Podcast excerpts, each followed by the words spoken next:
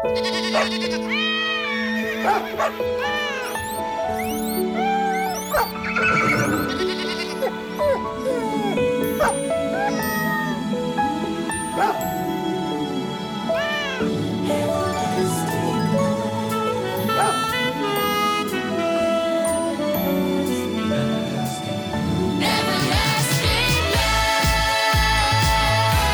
det någon skillnad på att ha en eh, rottweiler eller en schäfer eller är det samma sak?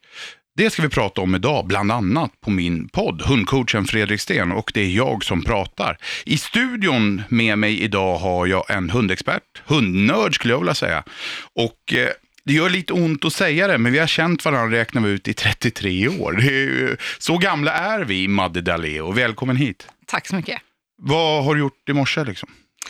I morse har jag varit och jobbat, Ja, gått ut med hundarna som vanligt. ja, Eh, Jag jobbar på Försvarsmakten ja. på en eh, avdelning som håller på med skjutfält. ja. Låter farligt tycker jag. Ja, alltså vi ansvarar för skjutfältet. Men du är inte ute och springer på skjutfältet? Nej, det är mer spärrningar och bokningar. Ja, okej. Vad bra. Det låter Se tryggt. till att de sköter sig, de som skjuter. Hur många hundraser har du haft? Ja, jag har passerat ganska många. Ehm, De som jag har haft hemma själv, det är Ja. ju en blandras mellan golv och labrador. Aha.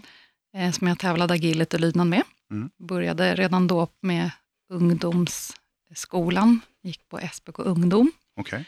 Eh, och sen skaffade jag en briard när jag var 19.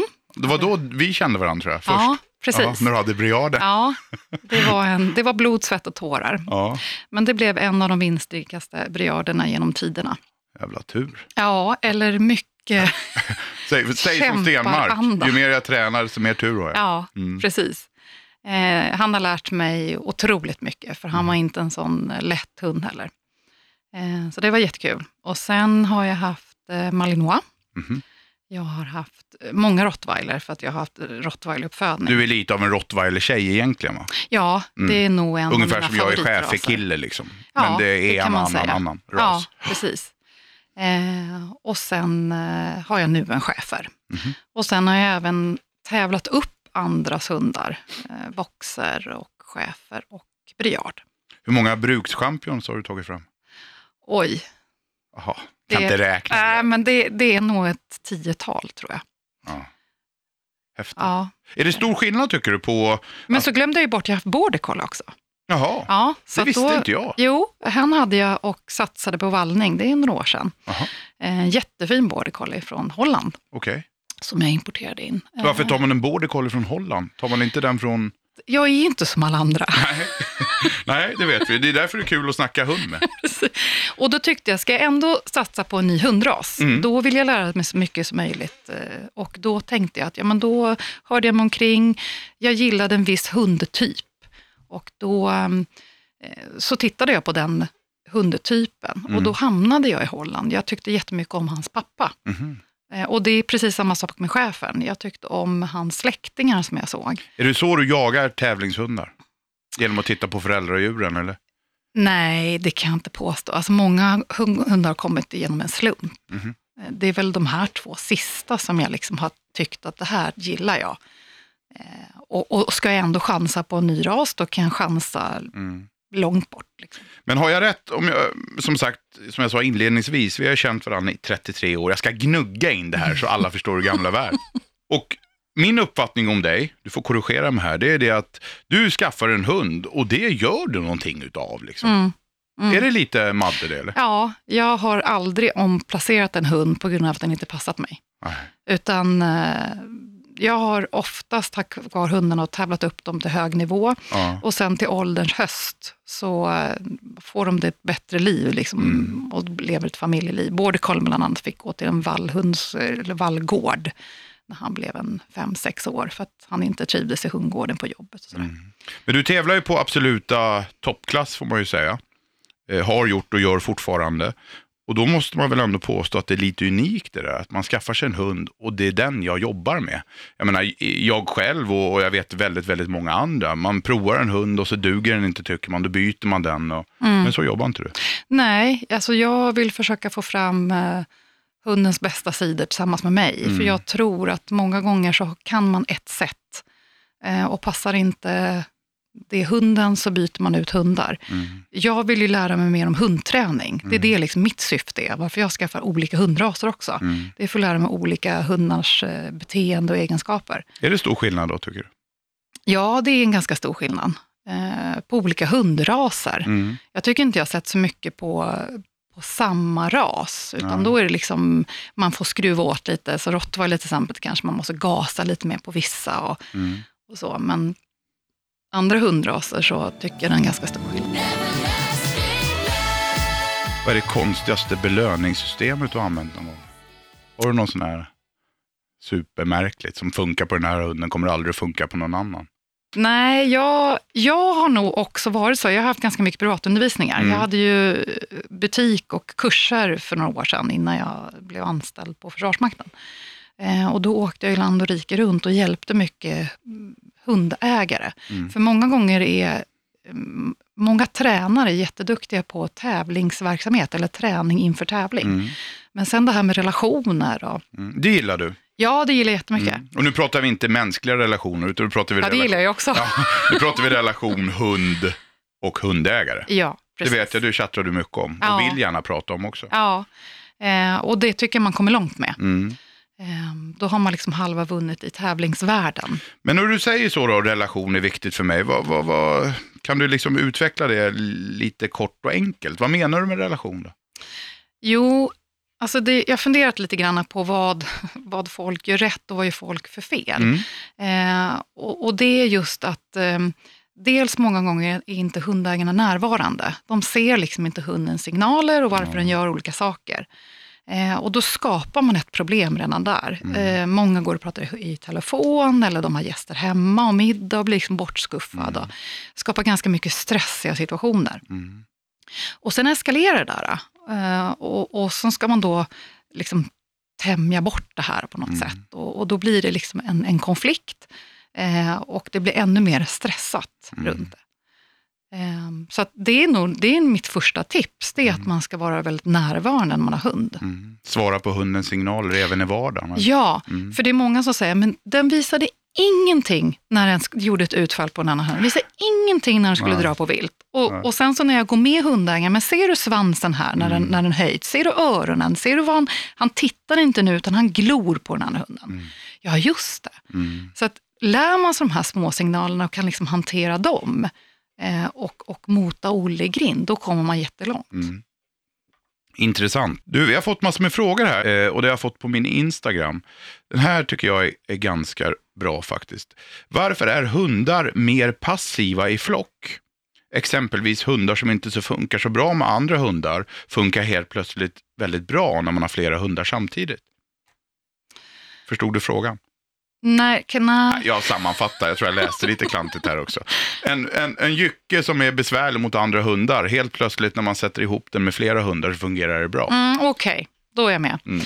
Jo, men det tror jag att eh, lite grann så kommer den här hunden i chock.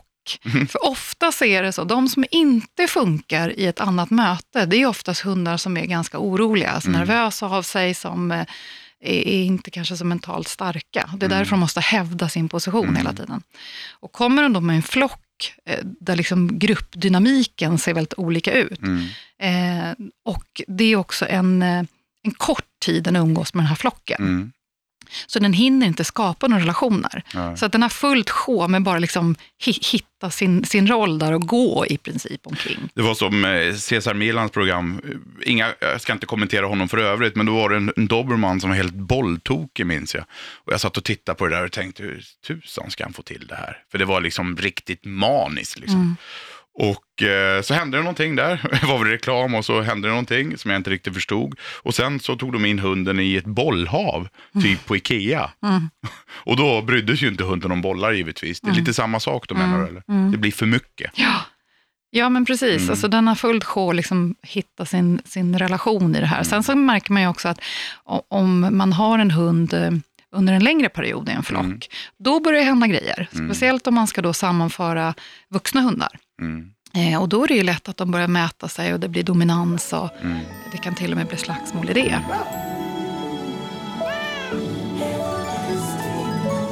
En annan ganska bra fråga, eller bra och bra, men en vanlig fråga som jag tycker är lite svår att svara på, tydligt i alla fall, det är följande. Hur vet man att hunden är lycklig? Mm. Det är ju många som oroar sig för det. Ja, Gör du det? Nej. Nej, inte jag tror, jag, jag tror att mina hundar är lyckliga. Jag tror att en hund är lycklig om den får vara med mycket. Mm.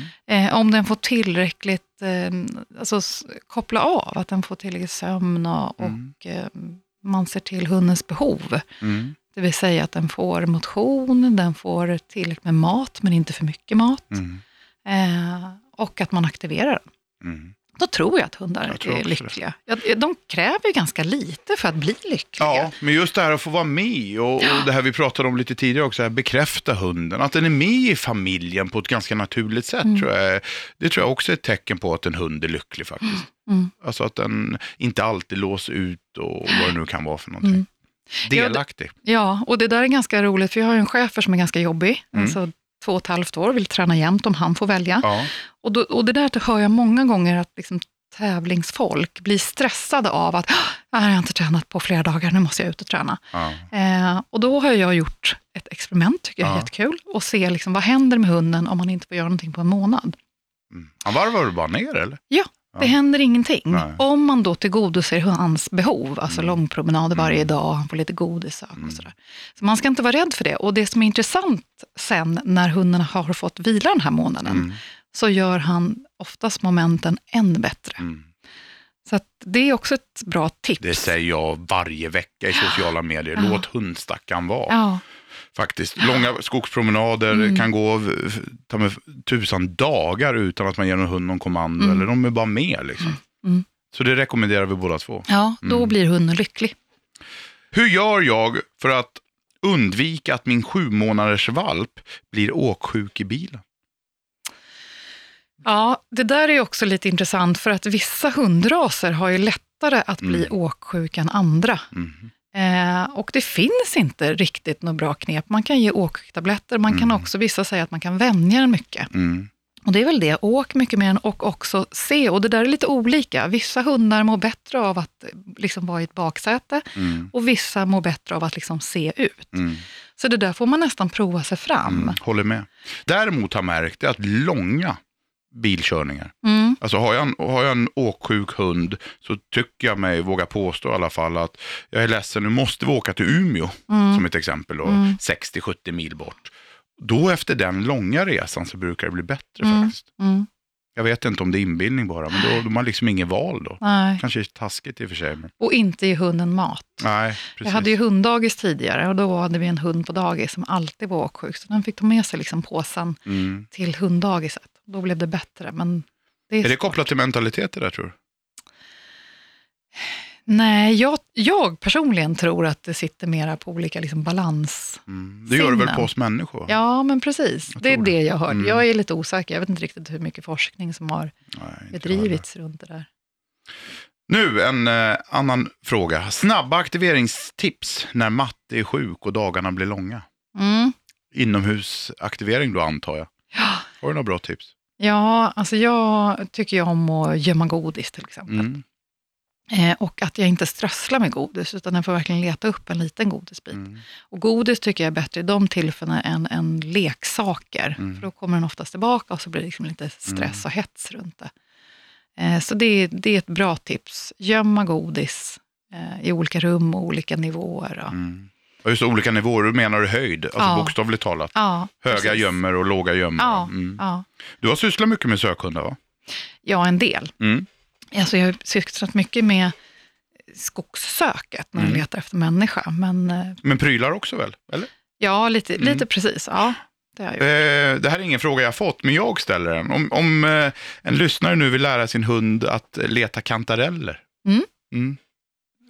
Mm. Beskriv, hur gör man? Det är jättelätt. Mm. Shoot. Eh, man tar en kantarell Ja, det är bra. och, så, och då är det jättebra att ha den här att man, den har letat upp godisar. Så att den, den har fått igång ett, en, eh, en söklust Ja, att leta efter saker. Och en metodik också, va? att hunden har lärt sig att använda näsan på rätt. Ja, Ja, precis. För det är ju oftast, när den ska leta kantareller så är det ju inte fotspårsbaserat, utan Ja, det är ju luftbaserat, vittringen. Eh, och så, så tar man den här kantarellen och jag brukar vara ganska noggrann med att inte ha hanterat den själv, så att Ja, jag har haft den i en plastpåse eller någonting. Så att den inte... Det är det som är svårast med sökdofter, det, det är den här diskrimineringen. Vad är det de egentligen går på? Mm. Eh, och då försöker jag träna det på olika. Först är det ju jätteenkelt att, att jag visar en, en eh, svamp eller kantarell. Kantarell, vi Och så- håller oss till kantarell. Kantarell, ja. Och så håller jag i den i, i halsbandet och sen så kastar jag bara iväg den. Ja. Eh, och då brukar hunden vara väldigt nyfiken. Mm. Eh, och så springer den dit lite och sen så, så sniffar den på den här. Mm. Och då kommer glass och ballonger. Och det beroende på... Glass och ballonger? Ja, alltså det blir roligt. Ja, Liksom. okej. Ja. förstår. Eh, så att det blir antingen en leksak eller godis. Mm. Eh, och så upprepar jag det här. Och, eh, och så gör det lite svårare, att eh, kanske gömmer en löv eller Mm. lite längre avstånd och så vidare. Jag försöker också tänka på hur vindförhållandena är när jag börjar träna på det här, så Mm. att den får liksom olika eh, minnesbilder. Ja, just det. Eh, jag försöker gå så lite som möjligt i det i början. För Ja, just det. Så inte hunden då spårar fram till kantarellen. Nej, Ja. precis. Och sen är det bara, det, det brukar de komma in ganska snabbt. Ja. Eh, och sen är det ju viktigt att hunden lyckas många gånger, alltså att det, man inte gör det för svårt, Mm.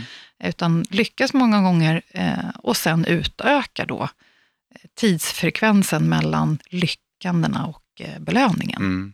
Så Alltså, att jag får leta längre tid ja. eh, in, innan min belöning kommer. Mm. Det är uthållighet man tränar på. Mm. Och det där är ju lite olika beroende på vilka raser man har. Mm. Eh, vissa raser kanske tröttnar efter två minuter Mm. och vissa kan hålla på i en dag. Mm. Så mm, Och det är väl någonting man, uh, parallellspår här, det är väl någonting, just det är väl någonting man kontrollerar hos exempelvis tjänstehundar. ja, Om man ska ha dem som sökhundar. Det Ja. är just den här uthålligheten. ja Mm. precis. Och, och det är samma som vallhundar. Mm. De har en enorm uthållighet Mm. av en anledning. Men då får man ju också det. Det är också sådär, vad, vad är det jag vill ha hos en hund? Ja, just det. Eh, och, och ju mer uthållighet en hund är, desto mer kräver den. Men när lägger du in kommandot då? Sök kantarell. Liksom, när i träningen? Det, alltså när den har fått in den här signalen, att Mm. jag håller i halsbandet, kastar iväg, och så kanske jag har gjort den tre, fyra gånger, det är lite Mm. beroende på en hund, eh, så kan jag lägga in det. Mm. Jag tror att det är lite, alltså jag tror hunden går på mer min rörelse, eller vad jag säger. Mm. Men det viktigaste är när jag lägger in det här ordet, det är att man inte tjatar Mm. på dem, utan man säger då ordet en gång och sen väntar man. Mm. Jag orkar inte liksom hålla på och säga sökantareller var femte meter, för det är lätt att det blir det, Ja. så blir det en rolig grej. Eh, Jag är ju väldigt imponerad av dig Madde. Du är enormt duktig när det gäller allt du ger in på. Jag tror att när jag sitter och lyssnar på det här också så är det, du är väldigt speciell på en sak. Det är att du gör allting så himla enkelt. Mm. Och det gillar jag måste jag säga. Eh, ibland då när jag lägger ut några Instagram-filmer eller eh, gör tv eller vad det nu är för någonting. Så får jag alltid arga mail eller inlägg på Facebook. Ah, du, eh, när ska du betinga kommandot? Och du vet, det var därför jag ställde frågan här. Och ibland får jag en känsla av att man krånglar till saker och ting för mycket. Mm. Och då blir det inget bra. Och det gäller egentligen all hundträning. Mm. Du bara nickar här. Mm. Jo, men jag Ja. håller fullständigt med. Det är ingen vetenskap liksom. Nej, och det, och det är så roligt det där, för det har ju gått också i, eh, i olika liksom banor, att först skulle man bara korrigera och sen skulle vi Mm. bara ge godis. Mm. Och så nu har man hittat, liksom, nu är det lite olika skolor och så vidare. Mm. Men, och egentligen, det är omvänt lockande, är jättepopulärt nu. Mm. Och det är egentligen ingenting annat. Förklara än, det. Ja, men omvänt lockande är ju någonting där hunden väljer bort en sak. Eh, och när den väljer bort en sak så får den en belöning. Mm. Så man kan ha en godisbit i handen till exempel, med öppen handflata när hunden väljer bort den. Mm. Ehm, så, så utlöser man då varsågod till Mm. exempel, så får den den. Mm. Och det här är ju ingenting annat än förut hette det förbudsträning. Ja, exakt. Vi har använt det. Exakt samma sak. Och där har ju vi blivit så gamla Ja. faktiskt. Så jag känner liksom cirkeln har slutit sig. Liksom. ja, Eh, nu när man åker runt och kollar på eliten i IPO-träning exempelvis. mm, Då är det nya metoder hör man ibland. Och det är, oj nu den här eh, tjejen eller killen, de är extremt duktiga. Det här såg jag för 30 år sedan, men då Mm. hette det någonting annat. mm. Så, Jo men så är det. så gamla har vi blivit. Ja. Jag gnugg, fortsätter du gnugga Madde? Ja. Nej, men, och det är det som jag tycker är lite roligt, det är ju att prata hundträning och mer så här, varför gör jag olika saker? Mm. Vilket syfte ska det här... Och många gånger vet inte folk. Nej. Och, och det, jag, jag har ju jobbat också ganska mycket med klicker och shaping. Mm. Jag tycker det är jättebra. Det är en jättebra relationsövning. Eh, det är jättebra under en inlärningsperiod, Mm. men det måste bort. Mm. Därför att där ser man skillnad. att Har man klickat för mycket eller gett godis för mycket, då har inte hunden uthållighet i sig. Och det lägger jag in ganska snabbt. Mm. Ehm, och jag är hellre så att hunden, det är inte hela världen om det misslyckas. Nej. Det är också hundägare alldeles för rätt tycker jag. Misslyckas. Ja, för det är på då jag ser, oj, nu gick jag för nära den här andra Mm. hunden. Det var därför det blev Mm. den här krocken. Mm. För det kommer bli så. Ja, alltså i, i verkliga livet så ser det ut så. Man kan inte säga till älgen, kan du hoppa 300 meter bort? Nej, För jag har problem jag, jag är här. inte klar än. Liksom.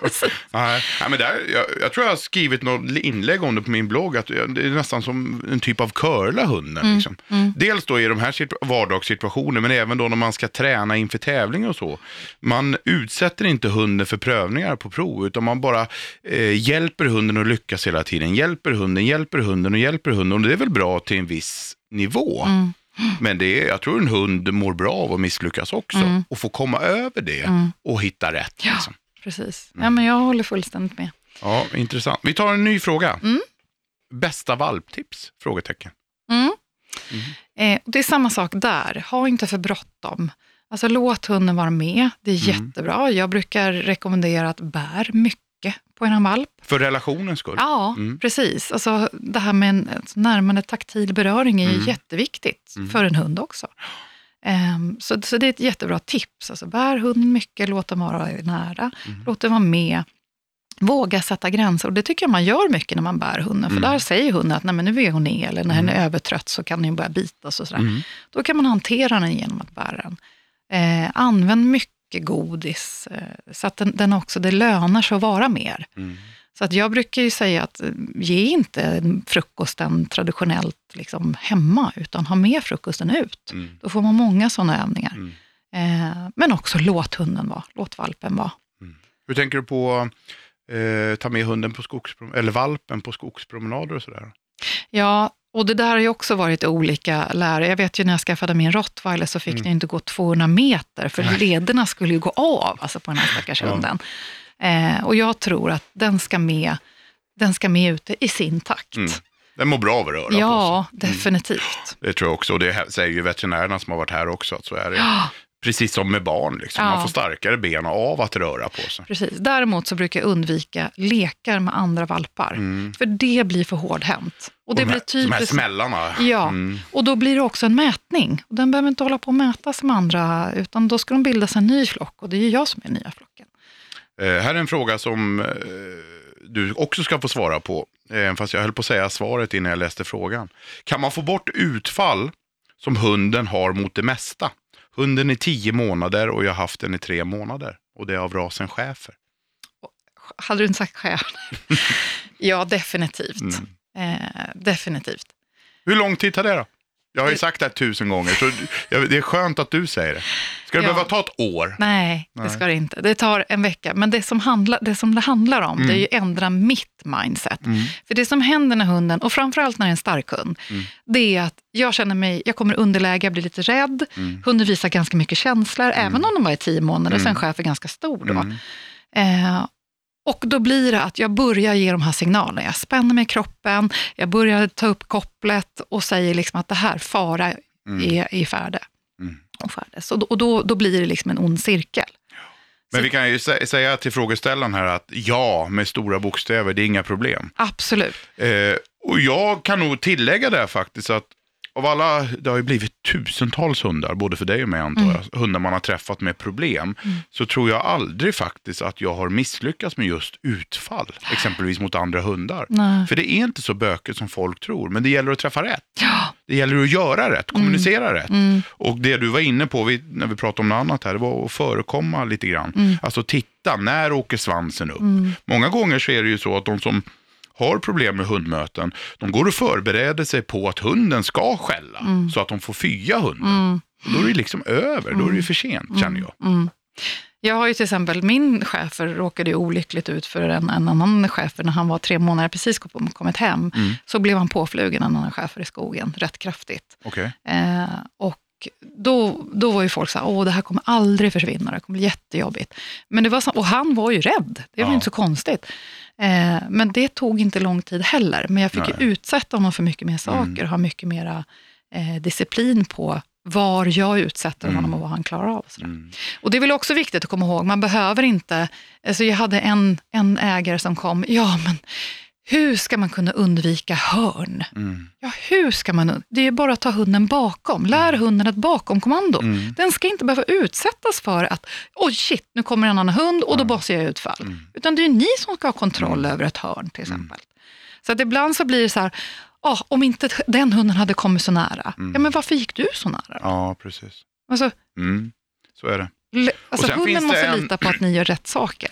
Just hundmötproblematiken här med utfallen, det finns ju en eh, hos många hundägare och det har jag respekt för, men jag kan inte riktigt förstå varför. Det finns en sån enorm rädsla Mm. för att liksom träna det här också. Eh, jag brukar säga det, lär er älska det här. Har jag en problem med hundmöten, då är det jättebra om man träffar en annan hund. Mm. Och liksom jag, jag håller hunden i kopplet och den jag möter håller hunden i kopplet. Det finns liksom ingen fara där. Och då är det, ju, det är ju först där man kan träna. Liksom. Men jag tror att det där hör hemma också med att det är lite pinsamt. Alltså det, är, det Mm. är svårt och, då, och, och det är många, jag vet ju många som har kommit till mig har inte fått hjälp då, till exempel Svenska Brukshundsklubben, utan de har sagt att du får vara på andra sidan staketet Mm. och träna. Och det är svårt att ta hand om det här. Vi är ju båda SBK-människor, alltså Svenska Brukshundsklubbsmänniskor, Ja. eh, är vi ju båda två. Men det kan man väl ändå vara liksom, skicka en liten puck till SBK, att där är de dåliga.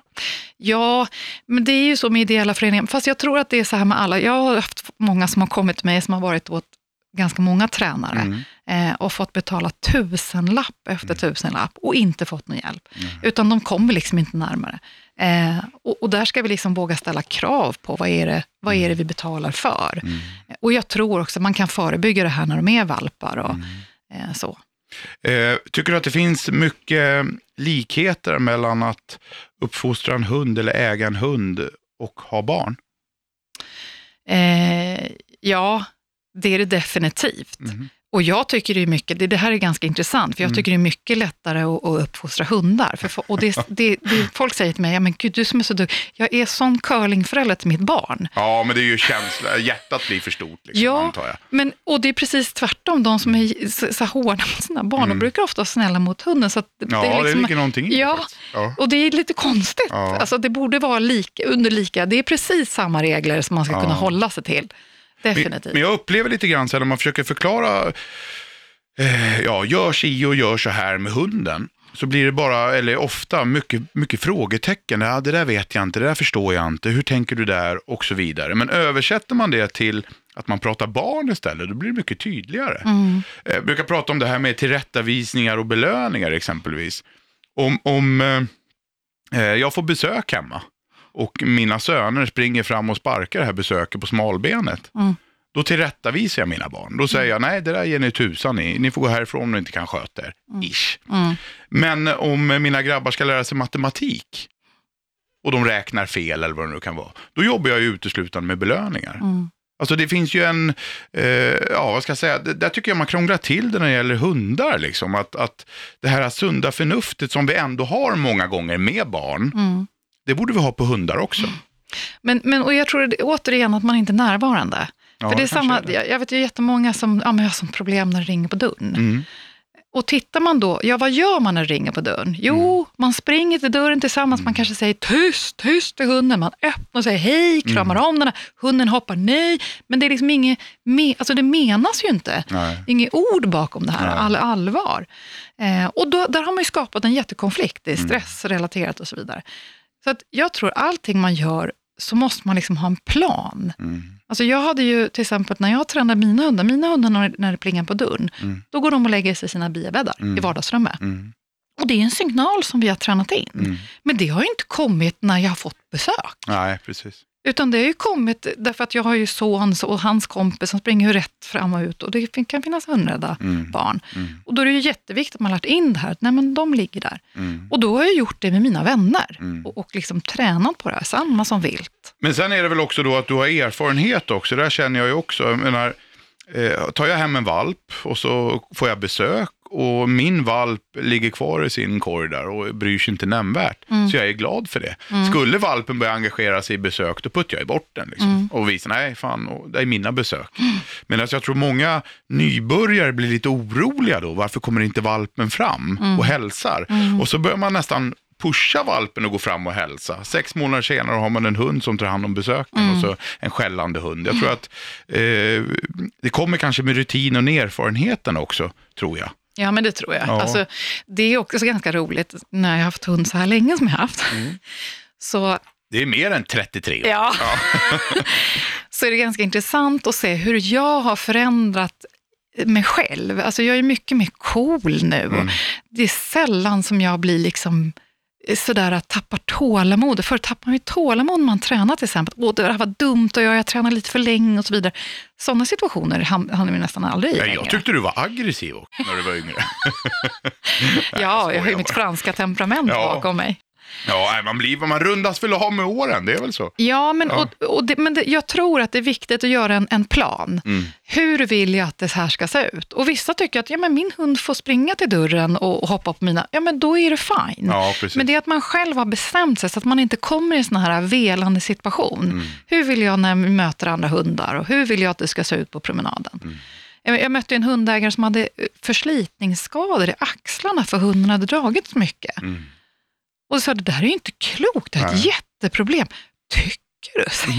Ja, Mm. det här är ju inte roligt att ha hund på. Eller de som liksom går upp klockan fyra och, på morgonen för att de inte kan möta en hund. Nej. Så skulle inte jag vilja ha mitt hundägande. Så. Nej, jag skulle inte heller, men det, det kryllar av dem faktiskt. Precis. Mm. Och, och det, för mig så ska det vara lustfyllt och liksom lugnt att ha hund. Och det blir oftast när man liksom har olika planer. Hur vill jag att olika saker ska... Och bestämmer sig för det. Mm. Och, och det jag har gjort annorlunda nu de här sista åren, det är att jag oftast, jag brukar säga jag parkerar hunden. För hunden har, det är mycket lättare för hundägaren, inte hunden, Mm. för hundägaren att se hunden, man sätter ner hunden, hunden reser sig upp. Mm. Det är fel. Mm. Man belönar sättandet, inte gåendet. Och det är samma sak liksom hemma. Jag parkerar hunden i vardagsrummet när det kommer folk. Mm.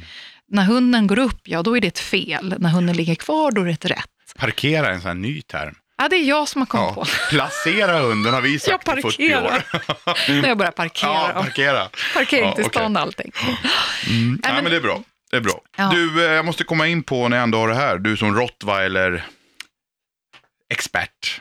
Får ni mycket skit i onödan? Rottweilerägare? Nej, alltså jag tycker mycket är förtjänat. Aha. Eh. På vilket sätt, hur tänker du då?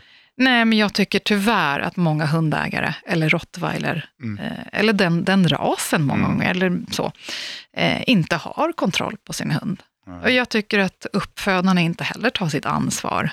Vad är det vi avlar på? Mm. Vilka mentala egenskaper ska hunden ha? Mm. Mm. Varför visar den nervösa tendenser? Varför är den liksom, ja. Och det där är ju jätteviktigt, att det går hand i hand. Mm. Så dels att uppfödaren tar ansvar och dels att hundägaren tar ansvar. Mm. Ska man ha en sån hund så kräver det ganska mycket. Det här var ganska intressant, för när jag hade min briard, Mm. 19 år gammal, Mm. tjej, Mm. hade haft en blandras, retrieverblandras innan. Mm. Jag tror jag blev nekad av sex briarduppfödare Mm. innan jag fick köpa min hund. För, och det var för att jag var tjej och för att eh, jag var så här ung. Ja, just det. Eh, och och jag, säger, jag tycker det var hellre det. Mm. Man ska tillägga för de som inte vet då att Briard är, ganska, det är en brukshund. Mm. Och en ganska rejäl hund Mm. dessutom. Eller kan Precis, vara i alla fall. ja. Mm. Ehm, och så, men då blev det också att när jag väl fick köpa hunden, då skulle jag minsann bevisa det här. Mm. Att jag kan. Och jag tror det man måste gå in på. Mm.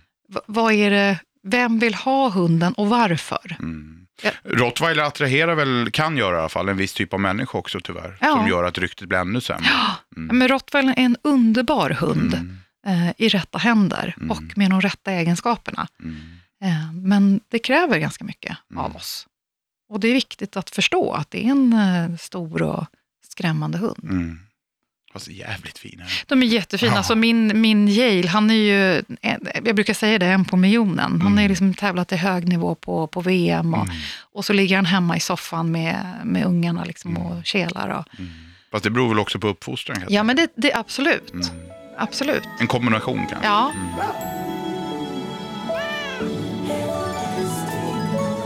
Du, ska vi ta en fråga till? Mm. Bästa tips för att få sin yngre hund sluta vakta ben, leksaker mot den äldre hunden. Den äldre hunden är för snäll för sitt eget bästa och säger aldrig ifrån. Hur Ja, tänker du där? men är det ett problem då? Bra, för så tänker jag också. Ja, Ja. alltså någonstans är det så här, den äldre hunden har ju liksom förmodligen backat av då och sagt Mm. Mm. att Nej, men det här går jag med på. Och är ganska nöjd med det förmodligen. Precis. Mm. Det är ju som min rottweiler, han tål ju hur mycket som helst. Men när, när det liksom blir nog, då är det nog. Mhm. Och sen så får jag ju själv gå in då som hundägare och säga att Nej, men det här ska du inte tåla. Men just leksaker och ben, det tycker jag, kan de hantera det på det sättet Mm. så då är inte det ett problem. Och vill man ha, jag kan ju till exempel lägga mina hundar i olika rum när de ska Mm. tugga ben. Mm. Just för att, men, var, varför ska man skapa någonting som inte finns? Jag är precis likadan. Mm. Jag är precis likadan. Och just det här, eh, är det inte ett problem så är det inte ett problem. Liksom. Man får inte skapa bekymmer. Och är det ett problem så är det skitbra att lägga dem i olika rum. Eller Ja. vad det nu kan vara. Och apropå det, det ska man också tänka på liksom i alla sammanhang. Om man har liksom barnkalas, Mm. måste hunden vara med jämt?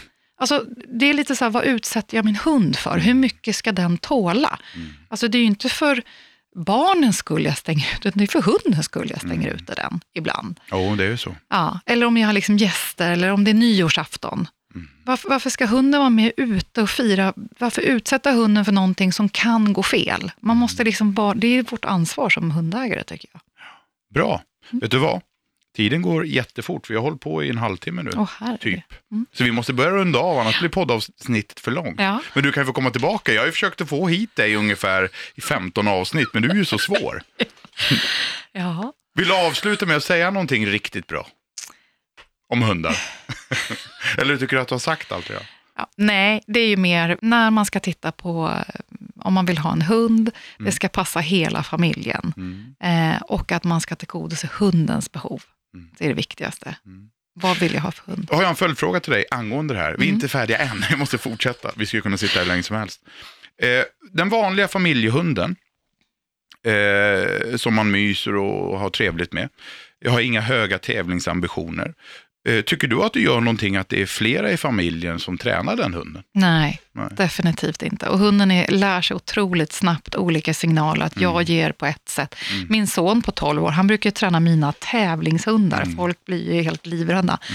Eh, därför att det är en rolig aktivering. Mm. Och jag ser ingen skillnad när de kommer tillbaka till mig. Nej, Vi har helt olika. Vad glad jag blir Madde Ja. när du säger så. Ja, men jag blir det. Jag, jag tror, skulle nästan vilja vända på det och säga att det kan vara utvecklande för hunden. Ja. Att få lära sig en liten annan typ av kommunikation och vara mer uppmärksam på vad som gäller. Jag tror Ja. hunden lär sig utav det. Ja, precis. Sen kanske man inte gör det tre veckor innan man ska iväg och köra VM, men du kanske gör det. Ja, det är inte snokigt. strunt samma.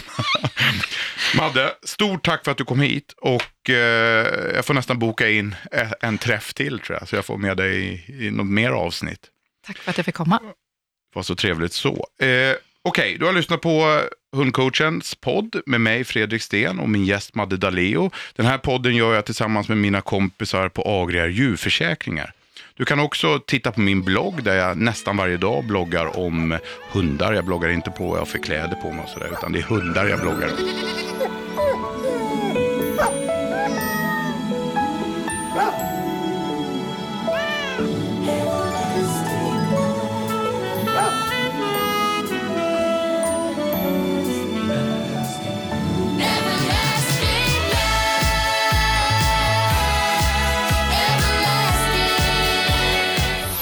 intresseras av I Like Radio. I like radio.